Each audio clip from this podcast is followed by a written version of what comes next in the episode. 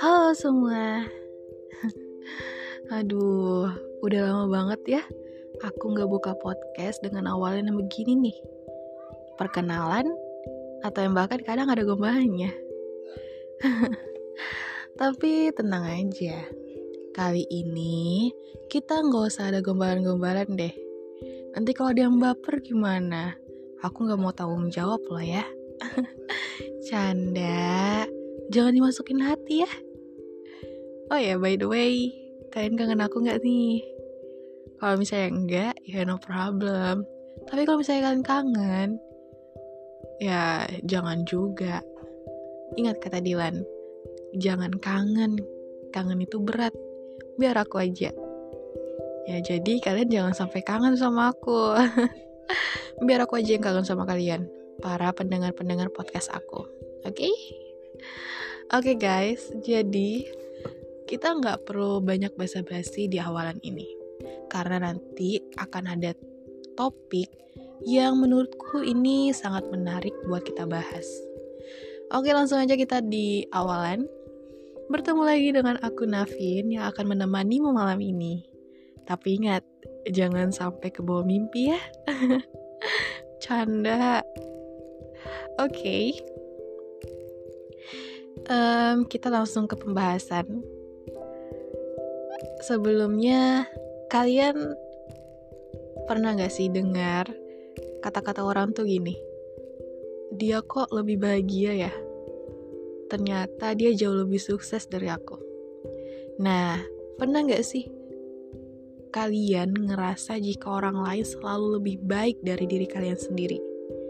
Semakin diperhatikan, kalian semakin merasa seperti butiran debu.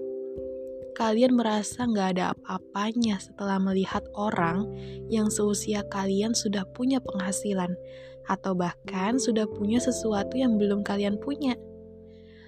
Nah, itu berarti kalian sedang melakukan social comparison – atau membandingkan diri sendiri dengan orang lain.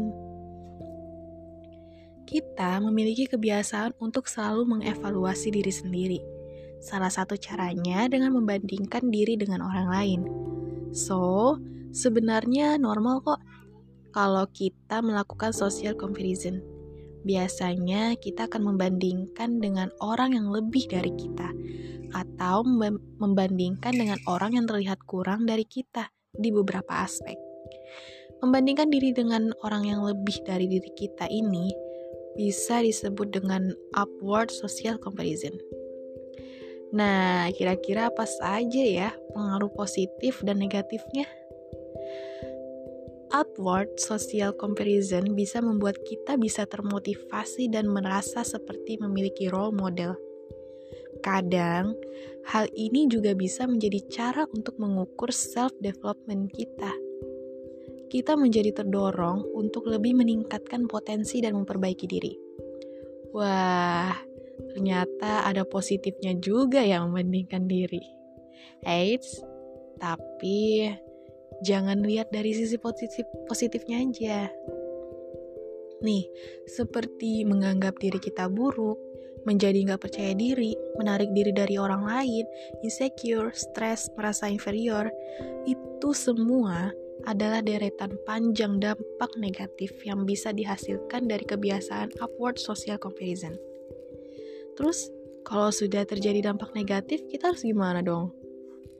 Nah, mengatasi dampak negatif dari upward social comparison mungkin merupakan hal yang sulit bagi kita. Namun, semuanya tentang belajar kok.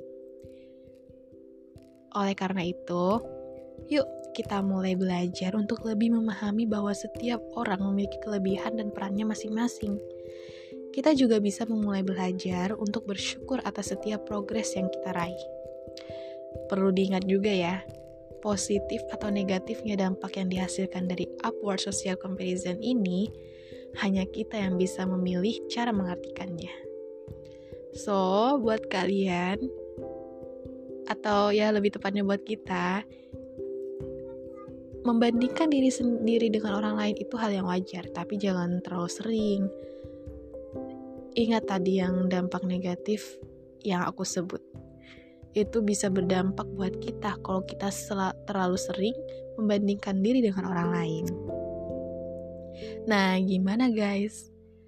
Um, pembahasan dari topik ini sih ya nggak banyak-banyak karena aku ambil yang penting-penting aja.